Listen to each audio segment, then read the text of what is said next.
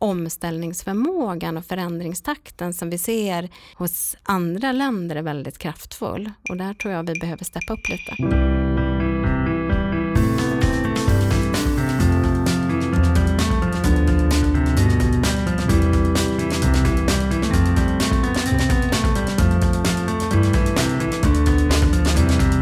Hej och välkomna.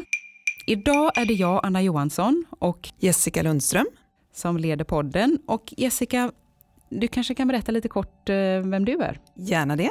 Jag leder vårt Market Access-team på Bristol Myers Squibb. Och vad innebär det då? Det handlar om att när ett läkemedel blir godkänt av myndigheterna så, så finns det lite annat som står emellan innan det faktiskt börjar användas till patienter. Och det kan handla om att eh, man ska se till att det finns pengar att betala för läkemedlet såklart, att det är finansierat. Eh, att det införs på ett jämlikt sätt över hela landet och, och att det kanske krävs förändringar i vårdens organisation för att det, det ska fungera. Så de frågorna arbetar vi med på olika sätt. Och idag vet jag att vi har en jättespännande gäst. Vill du berätta mer Anna? Alltså skulle jag vara tvungen att nämna bara ett enda namn kopplat till life science i Sverige så är det den här personen som är vår gäst idag och det är Jenny Nordborg som leder regeringens life science-kontor sedan något år tillbaka. I början av 2018 så inrättade ju regeringen life science-kontoret med eh, Jenny Nordborg som nationell samordnare och ansvarig. Och då hade en nationell samordnare i tre år arbetat med att stärka life science-sektorn genom samverkan mellan forskning, näringsliv och hälso och sjukvård. Med det nya kontoret så ville regeringen öka takten och lyfta satsningen ett snäpp till. Ambitionen är att till hösten presentera en life science-strategi i form av ett ramverk med mål och riktning. Och Jenny arbetar deltid med att leda det här kontoret och har även kvar sin roll på Vinnova som direktör för avdelningen hälsa. Varmt välkommen till Precisionspodden Jenny. Tackar. Det är väldigt roligt att ha dig här. Det är kul att vara här och prata om de här viktiga frågorna. Du har ju enligt mitt tycke Sveriges och kanske världens roligaste jobb. Eller svåraste. Eller svåraste. ja, men du är ju utsedd av regeringen att sätta riktlinjerna för hur vi tar svensk hälso och sjukvård in i en helt ny era. Och du får i detta uppdrag träffa och föra dialog med en uppsjö av spännande aktörer som är involverade eller berörda på något sätt. Då. Berätta vad det är du gör, varför är det så viktigt? Alltså det är ju så viktigt att vi jobbar med life science-området på riktigt i Sverige. Då behöver vi använda forskningen, hälso och sjukvården, omsorgen, men framförallt eh, patienter, brukare, vårdens medarbetare och företagen tillsammans i det här arbetet. Vi har ju haft ett samverkansprogram för life science under flera år där aktörerna har suttit med och gett en riktning. Eh, men det har också blivit väldigt tydligt att regeringskansliet självt också måste jobba med samordning inom regeringskansliet som myndighet och också med alla olika initiativ som sker nationellt för att synliggöra oss internationellt. För det här är ju riktigt svåra frågor att ta nästa kliv i systemutvecklingen. Mm. Därför är det viktigt. Men det finns många andra saker också. Mm. Vad, vad, lägger du i begreppet life science? Alltså, jag ser life science i ett väldigt brett perspektiv. Det är det som syftar till att förbättra människors hälsa och livskvalitet och säkerställa vårt eh, ekonomiska välstånd. Och det här är ett område där allting behöver ske i samverkan mellan alla de här olika parterna som vi pratade om nyss. Du nämnde ju det här att det kanske inte bara är Sveriges roligaste utan också Sveriges svåraste jobb. Vad, vad motiverade dig att ta an det här uppdraget? Vad, vad fick dig att hamna just här? Jag, jag har ju haft förmånen att jobba på innovationsmyndigheten Vinnova i många år. Jag har finansierat eh, hälsoinnovationer, utvecklingsinsatser för vården och eh, många av de här är ju sånt som man lär sig av men kanske inte blir liksom stora succéer. Men några har definitivt potential att bli det. Och då har jag sett att det största hindret är faktiskt att få det att implementera, att få det att skala. Och nu har vi många spännande initiativ runt om i Sverige som är på gång, men vi behöver liksom kraftsamla ännu mer och få dem att skala. Så det här uppdraget ger mig en möjlighet att också jobba med de samordningsfrågorna nationellt för att kunna öka hastigheten i implementeringen och tag i vissa andra riktigt svåra frågor. Så om man ska på något sätt knyta ihop till vilka mål har ni på Life Science-kontoret? Alltså de målen som vi har det är ju naturligtvis övergripande att Sverige ska vara en ledande life science-nation. Och målen i vårt arbete det är att samordna, prioritera de insatser som vi ska ha, ta ett helhetsgrepp och långsiktigt perspektiv på var Sverige ska vara inom eh, life science och jobba med policyutveckling. För det är där så mycket kanske kokar ner till just statens arbete är ju myndigheterna, lagar, regelverk. Eh, hur kan de bli ännu tydligare medspelare i ekosystemet? Mm. Och en nationell strategi ska ju presenteras här efter sommaren har du sagt. Och eh, eh när jag har läst och lyssnat på dig i andra intervjuer så har du pratat om att kärnan i den här kommande strategin är att ett, förbättra hälsan och livskvaliteten i befolkningen och två, att säkerställa vårt ekonomiska välstånd. Eh, kan du säga något mer om den här strategin redan nu? Ja, och lite kanske förklara vad, vad betyder det? Alltså, ja. Att de här sakerna hänger ihop, att vi har en levande och aktiv och internationellt ledande life science-industri i Sverige är en av de nycklarna att vi får ta del av morgondagens innovationer i dagens hälso och sjukvård. Och vi kommer bara vara en ledande life science-nation om vi både har forskningen på plats men en hälso och sjukvård och omsorg som är med och utvecklar och implementerar och använder de här sakerna som vi har möjlighet i framkant. Och mer att säga om, om strategin då. Ja, vi har ju pratat om två saker i det här. Vi tar fram en life science-strategi som blir ett ramverk. Den ska ge en riktning, en långsiktig målsättning för Sveriges prioriteringar. Men också göra en problembeskrivning naturligtvis. Så det här ramverket ger en långsiktighet. Kopplat till det här så kommer det komma kompletterande åtgärds och insatspaket. Där kommer lösningsförslagen. Så då har vi en flexibilitet också. Ett långsiktigt ramverk och insatspaket som ger en flexibilitet. För vi måste också visa på action och att vi menar allvar. Men det här kan ju inte vara en life science-strategi för regeringen. Det behöver vara ett partnerskap mellan alla olika aktörer enligt den svenska modellen. Mm. Så hur kommer ni på Life Science-kontoret att jobba då efter att strategin är presenterad? Ja, det är egentligen då som jobbet kanske på riktigt börjar. Då har vi ett ramverk, riktningen. Då kommer vi på riktigt kunna börja jobba med den nationella samordningen, koordineringen, prioriteringen och mycket mycket mer också med internationella dialoger för att visa upp Sverige. En del i det här arbetet är ju att kunna kommunicera våra styrkområden och våra satsningar framåt. Du var ju inne lite grann på det här nu kring hur viktigt det är att ha en stark life science-industri för att faktiskt eh, få ut någonting eh, i vården också. Och det är ju såklart någonting som branschmedia gärna lyfter, det här perspektivet om Sveriges långsiktiga konkurrenskraft och positionen inom life science. Kan du liksom berätta lite mer om vad är fördelarna för de svenska medborgarna med en stark life science-sektor? Ja, dagens vård är ju gårdagens forskning. Så ska vi ha tillgång till en vård i världsklass och vi har ju en bra hälso och sjukvård i Sverige idag. Men vi måste ju också säkerställa att vi har det på 5-10 års sikt också. Då behöver vi vara med och vara eh, det landet som leder forskningen inom området men också är med och utvecklar eh, innovationer i vården. Så vi ser ju också ett skifte och det är kanske det vi kommer att diskutera ännu mer idag när vi pratar precisionsmedicin att forskningen kommer ju ännu mer kräva involvering, inte bara av universitetssjukvården utan sjukvården som helhet, omsorgen och eh, patienten och brukarna. Så det är ju också ett sätt. Alltså, så det första då för medborgaren ska ju verkligen, eh, det ska ju vara tydligt att eh, för att vi ska få tillgång till nya rönen i vården, då behöver vi en life science sektor i Sverige som är aktivt involverande. Men det är ju också viktigt att se att eh, personalen kan ha en drivkraft, ett mindset och förutsättningar att jobba med forskning, utveckling och innovation som en naturlig del i sin vardag.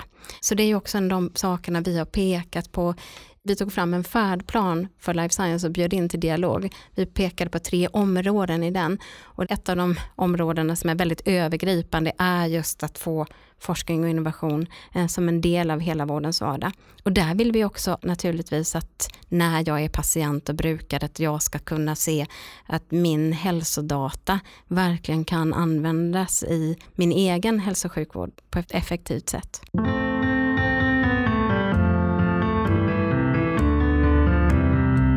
Jag vet att det är väldigt tydligt, du har nästan gett som en uppmaning till vården att eh, komma in med inspel kring just det här med forskning. Eh, kanske kan vi utnyttja podden här och säga det. Ja, och jag, jag märker ju också att eh, som det händer väldigt mycket runt om i Sverige. Alltså vi har ju inte bara på som universitetssjukhusen men också ute i eh, primärvården, också i socialtjänsten, eh, väldigt nya agila arbetssätt vad det gäller att anamma de absolut senaste lösningarna att ta till sig. Inte minst eh, intelligenta beslutsstöd där man använder artificiell intelligens. Så det tycker jag liksom är väldigt hoppingivande men vi behöver ju ge de här förutsättningarna till alla. Till många medarbetare och till alla patienter och brukare och där kanske vi inte är idag.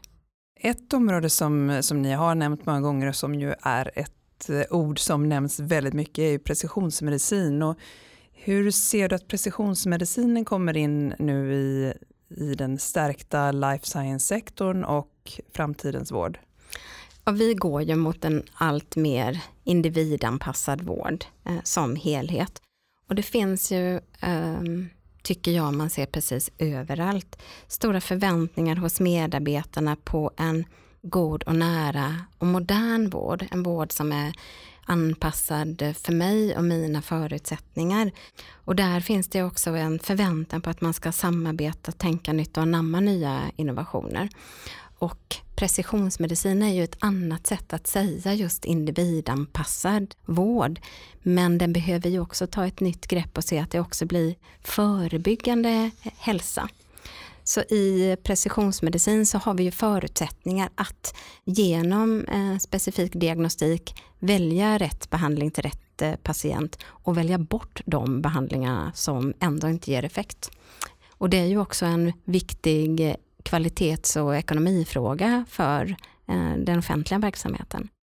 För det här med precisionsmedicin, det, det, blir ju en sån fantastisk loop med det där, där man liksom från upptäckt till eh, diagnostisering till val av behandling och sen uppföljning och så liksom knyter man ihop hela den här säcken liksom och får ett forskning och utvecklingsperspektiv på det. Det är ju verkligen, eh, känns som en jätteviktig del för svensk life science framåt. Och det är det ju och det här pratar ju många länder om naturligtvis för det är en jätteviktig del för alla men det är ju också så otroligt svårt att få till den samverkan som krävs. Och det är ju kanske ett av de skälen till varför vi lyfter fram det så mycket i det svenska life science-arbetet. Det här är ett segment där Sverige kan ta lid. Vi är bra på att arbeta just med de här eh, teknikerna för diagnostik och innovativa behandlingsmetoder. Vi har satsat Eh, ganska mycket på sällsynta sjukdomar till exempel. Vi har den kompetensen, vi har också de förmågan att jobba med de riktigt svåra frågorna både ur ett regulatoriskt perspektiv och ett affärsmässigt perspektiv. Det här med nationers, olika nationers satsningar och utspel om life science skulle ju kunna beskrivas lite som ett eh, globalt och kanske politiskt race. Vilken roll tänker du att, att vår regerings satsning med det här permanenta life science-kontoret då skickar till omvärlden? Ja, att vi har ett life science-kontor är ju ett tydligt budskap att den här sektorn är otroligt viktig för Sverige. Så som det funkar då inom regeringskansliet så är det ju medarbetare både från socialdepartementet, utbildningsdepartementet och näringsdepartementet som gemensamt arbetar med de här frågorna på en daglig basis. Det är ju tydlig signal om att vi tänker jobba med helhetsgrepp och systeminnovation i det här. Det finns en tydlig politisk förankring i arbetet. Så mitt arbete är ju för tre ministrar och min styrgrupp är tre statssekreterare. Bara en sån sak. Jag märker ju internationellt att det här arbetet sker within government är en sån styrka.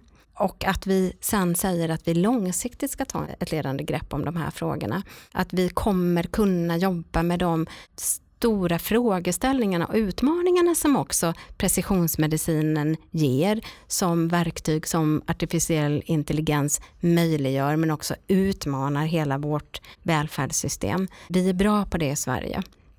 Så det är några av de signalerna som jag eh, tänker att eh, Life Science-kontoret som satsning skickar till omvärlden.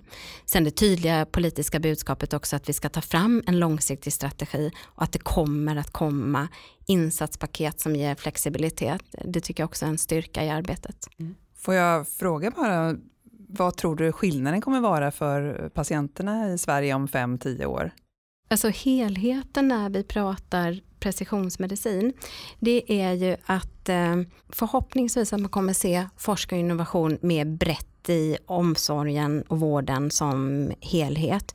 Vi börjar ju redan prata om att cancer kan bli en kronisk sjukdom, något som vi kan leva med, ungefär som med diabetes. Eh, och det har ju väckts hopp om att vissa former av cancer kommer kunna botas helt och hållet. Också andra kroniska sjukdomar som blödarsjuka kommer kanske kunna botas helt och hållet. Så det är ju stora medicinska framsteg som vi kommer kunna se framåt. Det tycker jag är otroligt eh, spännande. Väldigt mycket av utvecklingen har ju legat på de här diagnostiska metoderna och nya behandlingsmetoder. Nu så flyttas ju blicken på hur det här på bästa sätt kan användas i vården. Och där kan ju förhoppningsvis också Sveriges styrka komma in. Vi kan ju tycka tycka när vi eh, tittar inom Sveriges gränser att vi är långsamma på implementering och upptag men vi är ju relativt ur ett globalt perspektiv eh, snabba och agila att göra det.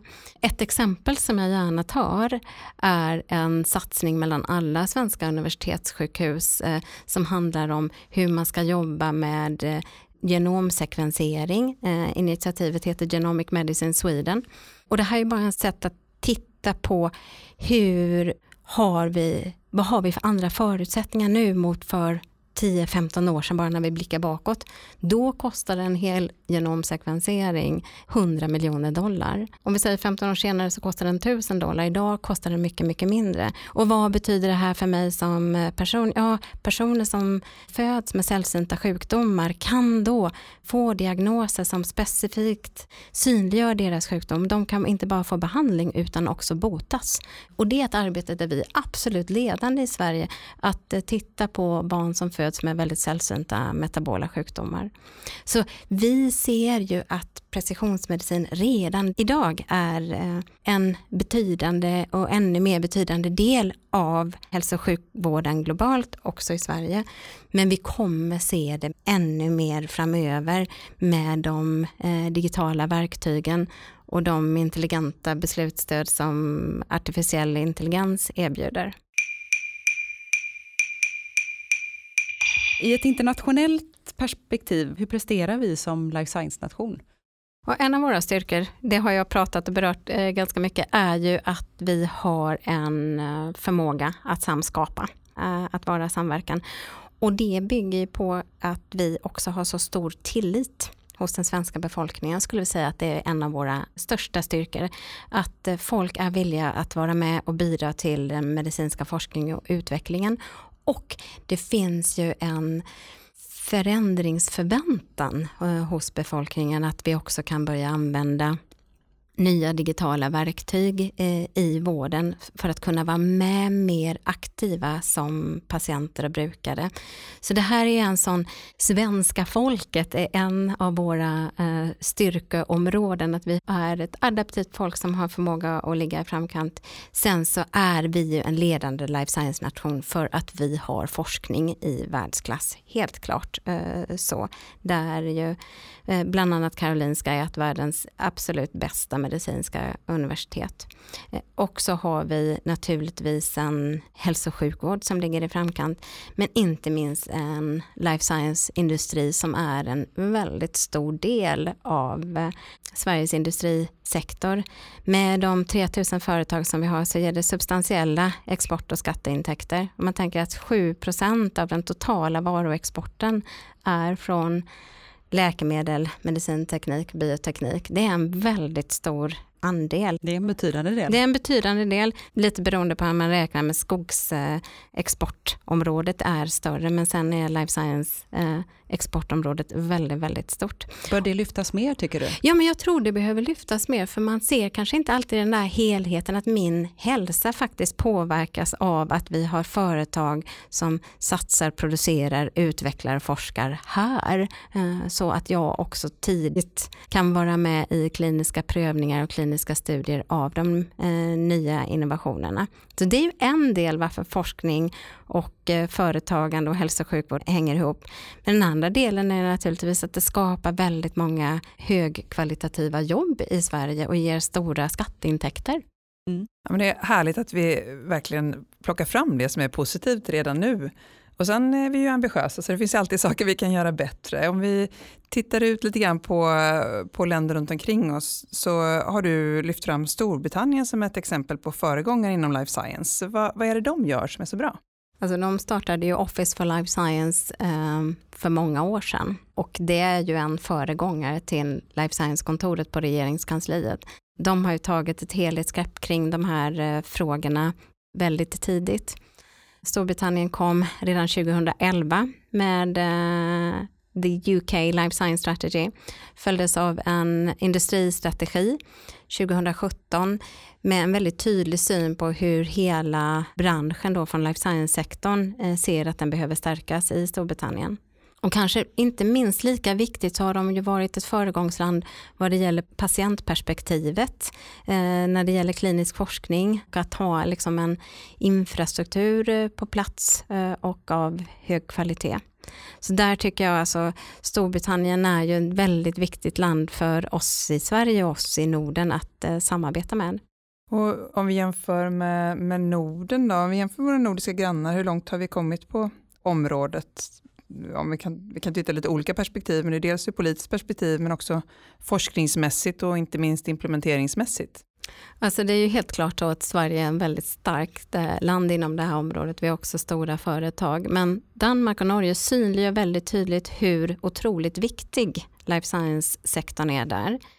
Den danska regeringen har tillväxtplan eh, för life science och följer kontinuerligt upp eh, på ett väldigt imponerande sätt eh, utvecklingen i life science-branschen. Finland och Estland har ju tagit ett helhetsgrepp kring hälsodata, någonting som jag tror att det är väldigt viktigt att vi gör mycket snabbare också i Sverige. Så vi behöver samarbeta mer inom de nordiska länderna och inom Europa.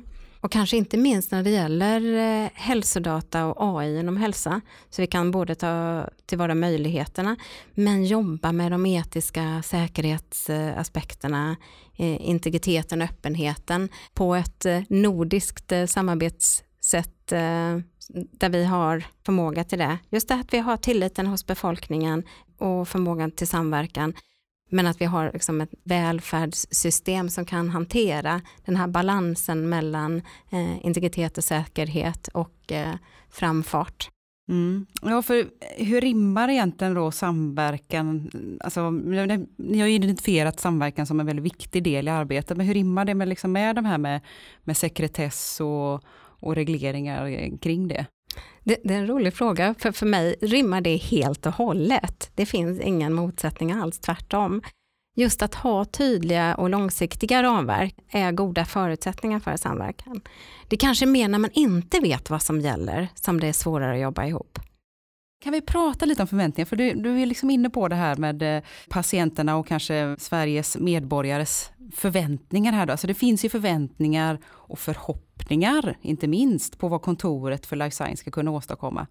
Och det finns det från politiskt håll, branschen är stort, men som sagt inte minst då vad gäller svenskarnas förväntningar på morgondagens vård. Ja. Eh, hur ser du själv på de här förväntningarna?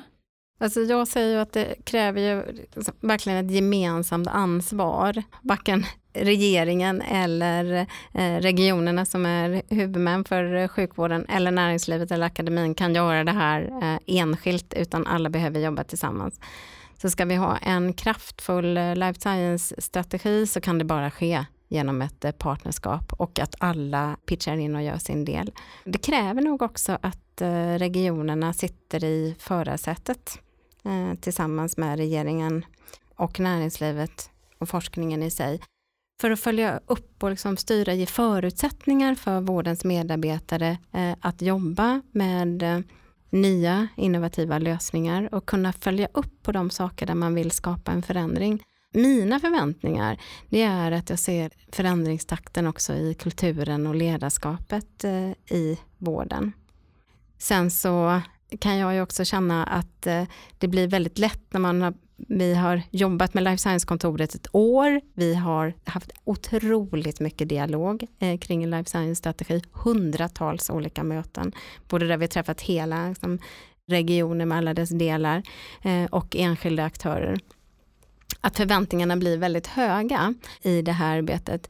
Det jag tror är viktigast framåt det är liksom inte vad det som står i ett strategiarbete utan det är framförallt vilket ramverk vi har och sen hur vi följer upp och utveckla det framåt. Vi behöver en flexibilitet för vi vet faktiskt inte hur den här, eh, de här utmaningarna kommer se ut om tre år. Nej men precis det är det jag tänker också, att menar, de förväntningar vi har överskattar vi det kanske? Överskattar vi det jobb som, som ni kan göra? Det, alltså, kan vi hamna i en situation där det som vi hoppades på uteblev? Jag tror inte vi överskattar vikten av att vi har en stark eh, life science industri i Sverige. Jag tror inte att vi överskattar vikten att vi har en bra hälso och sjukvård och att allt det här kräver också en eh, ledande forskning.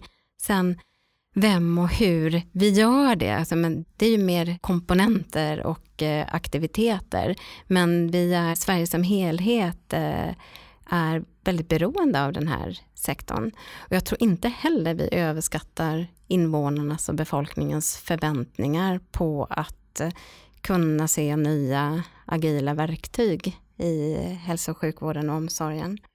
Och det jag tror vi kommer behöva jobba mycket mer med är på förebyggande sidan. Mm. Det finns ju också förväntningar kring hur fort det här ska gå och alla tycker väl kanske alltid att saker går för långsamt. Men inom vilken tidshorisont tror du att vi på riktigt får känna av de här nya värdena som kan skapas i vården? Ja, alltså, jag tycker man kan titta tio år tillbaka och se att otroligt mycket har faktiskt mm. hänt. Vi har gjort väldigt stora medicinska landvinningar bara under de senaste åren. När vi tittar framåt eh, så tror inte jag vi ens kan förutspå eh, hur det kommer se ut om eh, tre till fem år. Jag är helt övertygad att om på fem, tio års sikt så kommer vi se en individanpassad vård. Precisionsmedicin som är kanske ganska mycket basen av hälso och sjukvården. Vi kommer se att vi har intelligenta beslutsstöd så vi tar hjälp av artificiell intelligens i våran vård. Vi kommer ha en mycket nära vård för vi kommer själva ha ett eh, tydligt eh, och kvalitativt interface mot vår våran egenvård via våra mobila plattformar på olika sätt.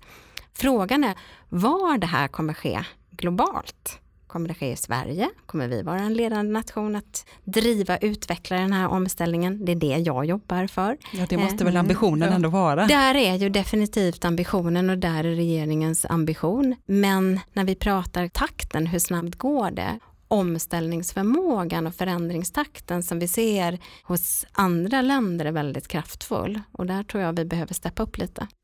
En sak som vi inte riktigt har varit inne på är att på något sätt vi ser nog precisionsmedicin som nästan en förutsättning för att vi ska ha, ha råd med vården i framtiden. Hur, hur ser du på den saken? Ja men absolut, jag tror att vi var inne på det lite när vi pratar om väldigt precisa diagnostiska verktyg som kan rikta oss vilken behandling är det som funkar här och vilken är det som inte funkar. Idag så riktar vi brett och sätter in behandlingar, testar, så funkar inte de och så går vi vidare. Det är naturligtvis ett stort lidande men det är också väldigt stora kostnader så att vi ska bli mer effektiva och kvalitativa. Det kräver en individanpassning. Så jag, jag håller med om det. Eh, precisionsmedicin är liksom vägen framåt i det arbetet.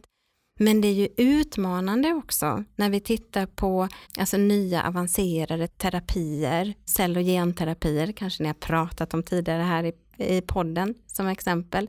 När de då kan hjälpa till att också bota sjukdomar. Det blir ju väldigt kostnadsbesparande men det kanske är behandlingar som är väldigt dyra i sig det här är en utmaning ur ett, liksom, vad har vi för affärsmodeller som vi behöver jobba med. Och vi vill ju, när vi säger att precisionsmedicin är en viktig del av svensk life science-strategi, så är det ju för att vi vill vara kända som ett ledande land.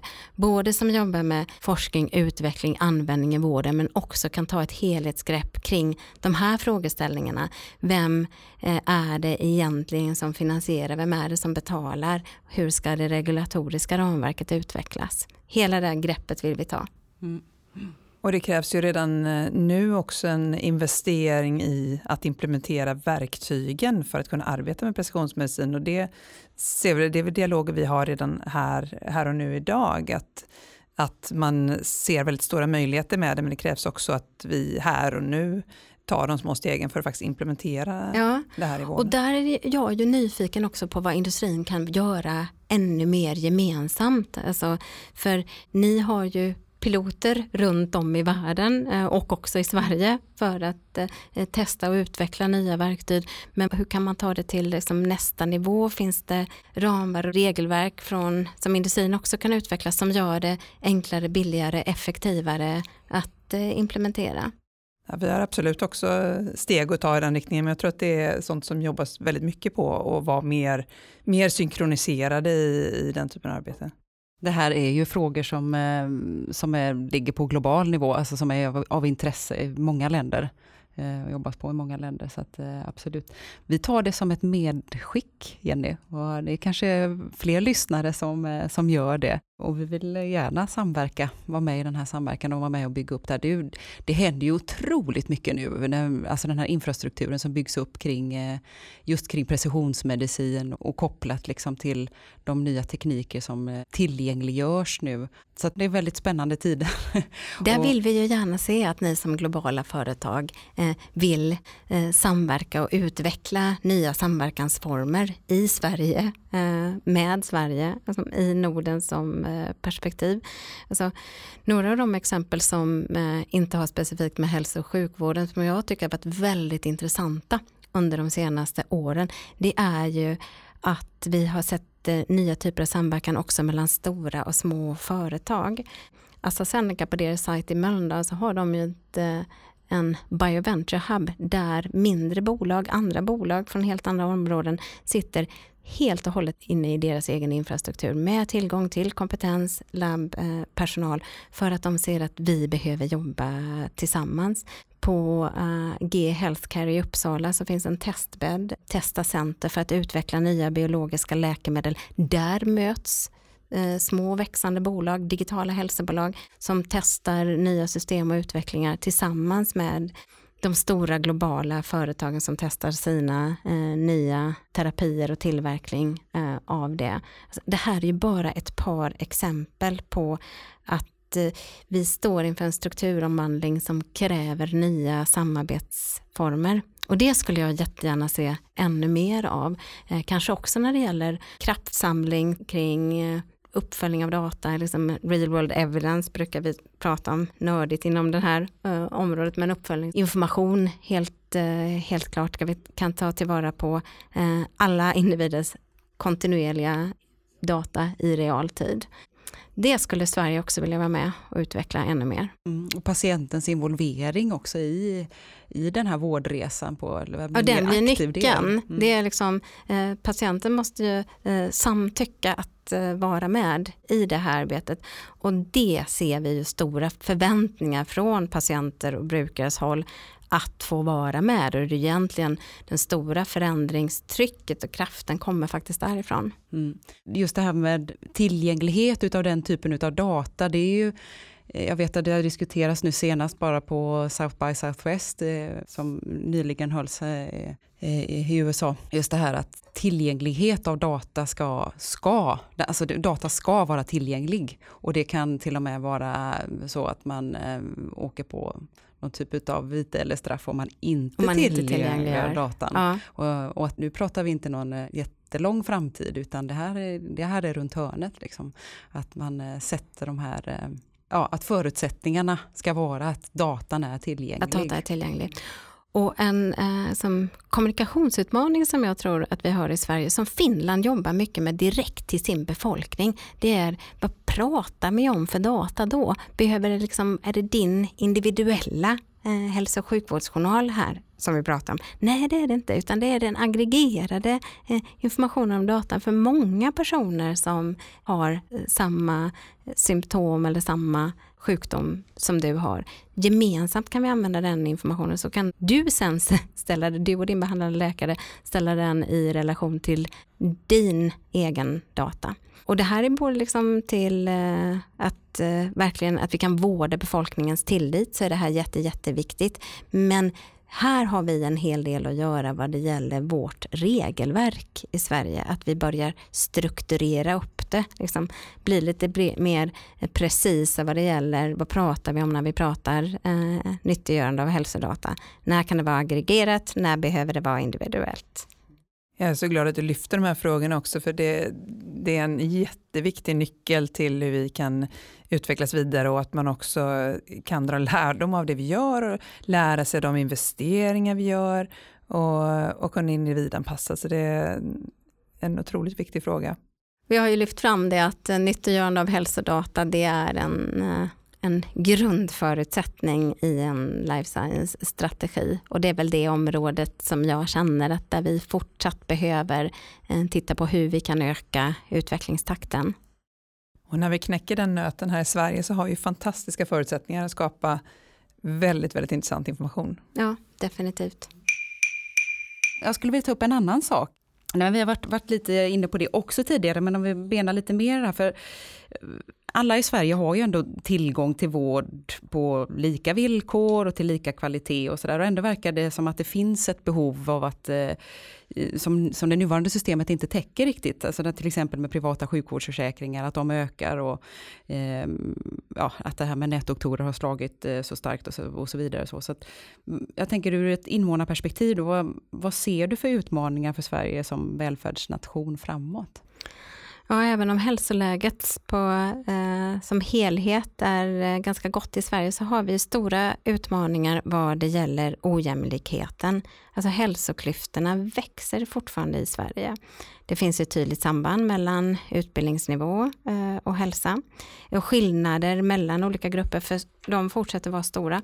Det här tror jag är en nyckelfråga för Sverige som välfärdsnation. Och även om vi kan tycka lyckas ha tillgång till lika vård eh, så kanske vi inte har alla de förutsättningarna. Jag tror det blir en nyckelfråga också framåt om vi kommer skapa förutsättningar så vi kan erbjuda precisionsmedicin brett i Sverige eller om de som är starka och kunniga kommer kunna skaffa sig eh, den här eh, vården självt eh, någon annanstans ifrån. Ska vi fortsätta vara en hållbar välfärdsnation så ser jag det här som grundutmaningen. Men naturligtvis så ligger det väldigt mycket i detta. Vi har liksom, vården är väldigt tyngd av livsstilssjukdomarna, psykisk ohälsa. Nyckeln ligger i om vi kan ge var och en bättre förutsättningar att att eh, jobba mer med förebyggande hälsa. Många av de kroniska sjukdomar som vi har är livsstilspåverkande.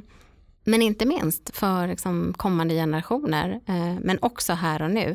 Också i hälso och sjukvården så behöver vi se till eh, hållbarhet. Vi har pratat mycket om den ekonomiska hållbarheten och sociala hållbarheten. Vi kommer behöva se mycket mer till den ekologiska hållbarheten vad det gäller hälso och sjukvården och omsorgen. Det är ju ett intressant perspektiv som inte har lyfts faktiskt i den här podden tidigare. Ja. Nej, men, och där har vi så goda förutsättningar i, i Sverige vad det gäller att eftersom vi har Agenda 2030 och, och FNs eh, hållbarhetsmål som mål för hela vår innovationspolitik eh, så har vi naturligtvis det också i life science-området. Hälso och sjukvården som helhet är ju väldigt eh, ansträngande för klimatet. Eh, koldioxidutsläppen från eh, hälso och sjukvården och omsorgen är stora. Vi behöver ta ett helhetsgrepp eh, kring det och vi har förutsättningar i Sverige också att jobba med hållbar sjukvård ur ett sådant perspektiv. Så det vill vi ju naturligtvis också att ni som globala bolag vill vara med och utveckla tillsammans med Sverige men det är ju ur ett globalt hälsoperspektiv mycket viktigare än att vi hittar egna lösningar utan vi behöver hitta eh, gemensamma ramverk. Gud, ja, det, är, det är verkligen eh, Greta Thunberg-anda verkligen. Det är att lyfta den här miljöfrågan den här, dessa dagar som eh, det verkligen är. Jo, det är stor, de... stora demonstrationer ute runt om i världen kring, kring klimatfrågan. Eh, där unga framförallt är ute och Och det visar och ju på kraften mm. som alltså, eh, både individer men befolkningen som helhet eh, har att inte eh, kunna göra förändringar och vi kommer se tryck både vad det gäller förändringskapaciteten i hälso och sjukvården som stort men eh, väldigt mycket naturligtvis vad det gäller hållbarhetsfrågorna också inom den här sektorn. Det är ju en förutsättning för att vi ska kunna leva eh, långa och hälsosamma liv. Så du är inne på, det du menar är egentligen att det här med precisionsmedicin kan, kan hjälpa till ur den aspekten också? Ja, life science är ett viktigt mm. verktyg mm. inom eh, det här området. Mm. Lite som du var inne på där också med prevention och preventiv hälsa, det är ju, där är ju också verkligen precisionsmedicin en, en nyckel för att eh, för att snabbt liksom, eh, identifiera risker och Eh, Eh, eventuellt kommande diagnos. Alltså, vi tänker oss också inom en relativt snar framtid att vi redan på, på nyfödda barn i stort sett kan, eh, kan göra en sån riskanalys och se hur kan vi jobba med eh, preventiva metoder för att undvika vissa saker. Det kan, finns det vissa behandlingar man kan sätta in tidigt ja. innan, man ens, innan sjukdomen ens har brutit ut och så. Jätteviktigt. Vi har inte pratat så mycket om eh, antibiotikaresistens men det är naturligtvis ett av våra globala hälsohot. Eh, vilka nya diagnostiska verktyg och preventiva verktyg kan vi utveckla eh, med hjälp av precisionsmedicin för att eh, möta eh, antibiotikaresistensen, vilka som vacciner, förebyggande behandlingar kan utvecklas. Det är ju en del i hela den här hållbarhetsperspektivet. Det är naturligtvis en jättestor utmaning för eh, svensk hälso och sjukvård, lika väl som den globala hälso och sjukvården, att lösa gemensamt. Mm. Många av de frågorna som vi diskuterat nu är ju stora frågor där det kan vara svårt att kanske utvärdera hur långt vi har kommit. Hur, hur ska vi mäta framstegen inom life science? Eh, är det i BNP eller är det folkhälsa? Och vilken bra fråga. Det är ju en så enkel fråga att svara på tänker jag. Eller hur? Ja, alltså vi mäter ju uh, hur friska vi är genom våra uh, hälsodataregister i Sverige. Det är ju en av de um, stora tillgångarna som vi har. Vi följer naturligtvis upp och vi har en ökande medellivslängd. Vi har koll på livsstilssjukdomar på eh, övergripande nivå. Vi har liksom Folkhälsomyndigheten som är eh, aktiv och också jobbar med att synliggöra och eh, med preventivt arbete. Det ska vi naturligtvis växla upp. Jag önskar mig en uppföljning snabbare om än inte i realtid, men mycket snabbare med eh, mycket mer fokus på förebyggande hälsa och rehabilitering. Alltså att vården som helhet, men tillsammans i samverkan då med forskningen eh, naturligtvis, eh, också näringslivet, jobbar mycket mer med eh, uppföljning, utfall, så att vi får, får på ett annat sätt eh, koll på utvecklingen om man ska titta på en del som eh, skulle vilja sätta mer fokus på, det är att tydliggöra kvalitetsindikatorer eh, och också mm, som exempel på var pågår det kliniska studier, inom vilka områden görs det kliniska prövningar och att inte bara följa upp men också synliggöra för eh, befolkning och invånarna hur utfallet är, vilka möjligheter som finns. Eh, för det här hjälper ju till att få en bättre jämlikhet. Att vara tydlig och transparens är förutsättningar för en bättre jämlikhet jämlikhet för befolkningen som helhet eh, och eh, inom hälso och sjukvården. Mm, just det, jag tänker det här med kliniska studier, på den här nationella konferensen för kliniska studier som var för ett tag sedan, så var det ju flera stycken där som just framhöll det där att alla, alla patienter borde ingå i någon typ av eh, studie. Mm. Det är väl en eh, rätt bra målsättning? Ja, det är, en bra, det är en bra målsättning och i vissa fall så görs det nästan redan när man gör registerstudier för då använder man väldigt många personers olika data till det här men jag tycker att det bör ju vara en, en grundförutsättning för alla att kunna få tillgång eh, till information om vilka studier som pågår, när vi får bättre diagnostiska verktyg, på vilket sätt Eh, kan jag vara med och på vilket sätt kan jag vara med och bidra med min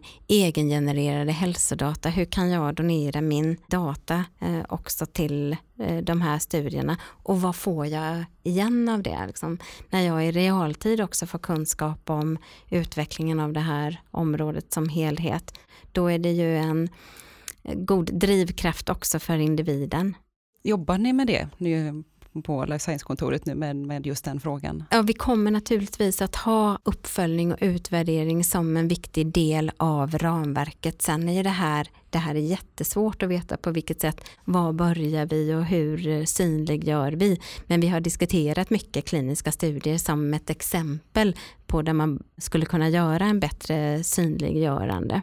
Och det är också den, mycket av den inputen som vi har fått. Vi har ju fått väldigt många kloka inspel till strategiarbetet. Mycket av det pekar på att vi behöver göra, få en tydlighet i den uppföljningen. Hur ska det gå till tror du? Ja, alltså, eh, hur ska det gå till?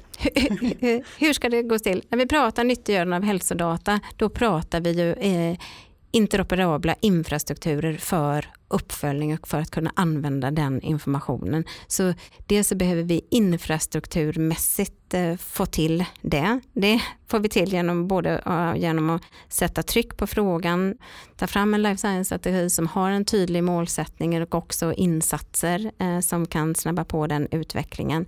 Där behöver vi se över de lagar och regelverk som vi har och titta på, är det förändringar som faktiskt behöver göras som idag hindrar den utvecklingen?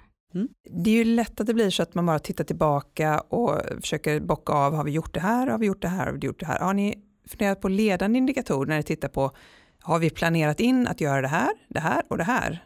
för att liksom veta att man är på rätt väg. Och det är väl så vi behöver titta på både de insatser vi behöver göra och hur gick det? Vi behöver både ha ledande indikatorer som vi kan följa upp att de görs och sen så en uppföljning, så vad blev utfallet eh, kring de frågorna? Det tror jag är eh, jätteviktigt att få ihop en helhet kring de sakerna. Och ett sätt att göra den uppföljningen det är ju från eh, ledningen på sjukhuset att se vilka olika kliniska studier pågår här. Hur mycket tid avsätts från personalens sida? Vad får de eh, avsätta tid till? Hur uppmuntras det också i utfall? Vad man får för utvecklingsområden som personal? Och nu pratar jag bara om sjukvården, men det här skulle jag naturligtvis vilja se i hela vården och omsorgskedjan så att den blir modern. Vad finns det för förutsättningar? Och det är ju ganska enkelt att följa upp. Och det blir lite utifrån det perspektivet, what gets measured gets done. Och sätter vi ljuset på rätt fråga så kommer vi att se mer arbete kring forskning och innovation i hela vården. Och det är en jätteviktig fråga i det här ekosystemet där vi faktiskt kan se eh, ibland och tyvärr att, att vi kanske har möjlighet från vårt företagsperspektiv att lägga kliniska studier i Sverige. Vi får möjlighet också att fråga sjukhusen om möjlighet att vara med, men där de ibland tackar nej för att det inte finns forskningssjuksköterskor som kan genomföra arbetet och så vidare. Så det är otroligt viktigt att man skapar de förutsättningarna.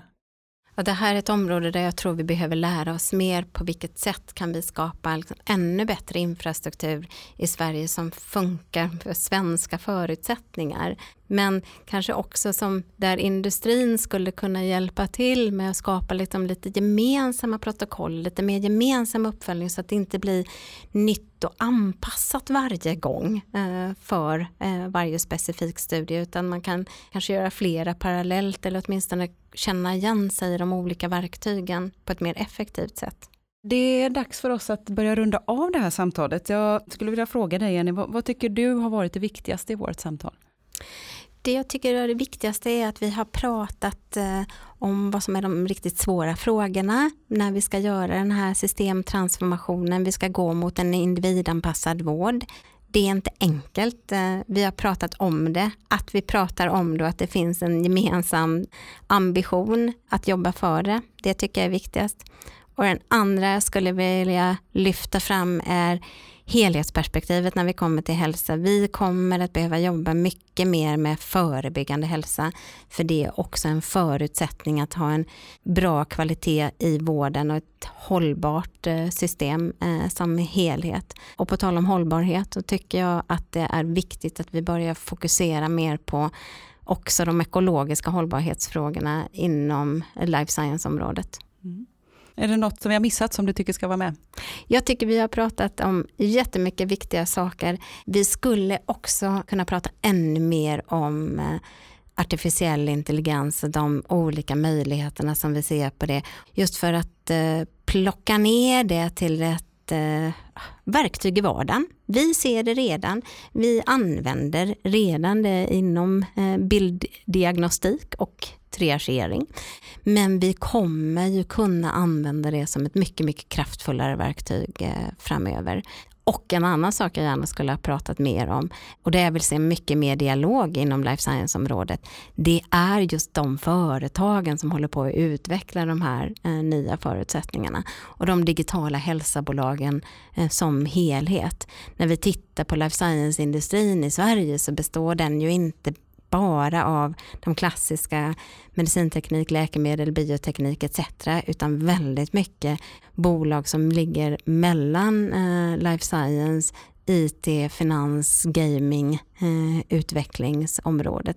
De skulle jag vilja prata mer om naturligtvis, också här i podden, men ännu mer med. Du får gärna komma tillbaka till podden så kan vi ta de frågorna då. Ja, ja. tack. Om du vill spå in i framtiden, vad tror du vi är på väg med precisionsmedicinen och den personcentrerade vården? Vården kommer att vara uh, individanpassad. Vi kommer ha digitala stöd som är helt integrerade i vården på samma sätt som det är i vår vardag idag. Också när det gäller läkemedelsbehandling. Data kommer vara tillgängligt eh, på ett eh, säkert och tryggt sätt i realtid. Vi kommer ha intelligenta beslutsstöd. Och förhoppningsvis så gör det här att vi kan satsa mycket mer på att eh, förebygga sjukdom. Vi satsar mer på hälsa helt enkelt. Jag är helt övertygad om att det är det vi kommer att se. Frågan är var Sverige kommer att vara. Kommer vi att anpassa oss till den här utvecklingen eller kommer vi vara med och genomföra och leda den här utvecklingen. Det vill jag. Och förändringstakten, det bestämmer inte vi som jobbar inom myndighetsvärlden eller näringslivet eller eh, akademin eller vården, utan den leds ju från patient, brukar och individperspektiv. Och när det gäller hållbarhet eh, som helhet så tror jag att de frågorna inom hälso och sjukvården och life science-området kommer vara på ett helt annat sätt eh, på agendan redan nästa år. Mm. Framtiden ser ljus ut och eh, möjligheterna är stora. Så är det definitivt. Mm. Vi kan ju välja och det här är en väldigt utmanande tid och det är också bra förutsättningar för att kunna kraftsamla framåt. Tack. Då har jag en sista fråga. Vi ställer den här frågan till alla som är med i podden. Eh, om du ser tillbaka till samtalet som vi nyss har haft, beskriv en av de känslor som du får i kroppen när du tänker på precisionsmedicin. Jag känner nyfikenhet eh, och jag känner framåtanda. Härlig positivism från Jenny Nordborg. Vi tackar dig så jättemycket. Tack så mycket.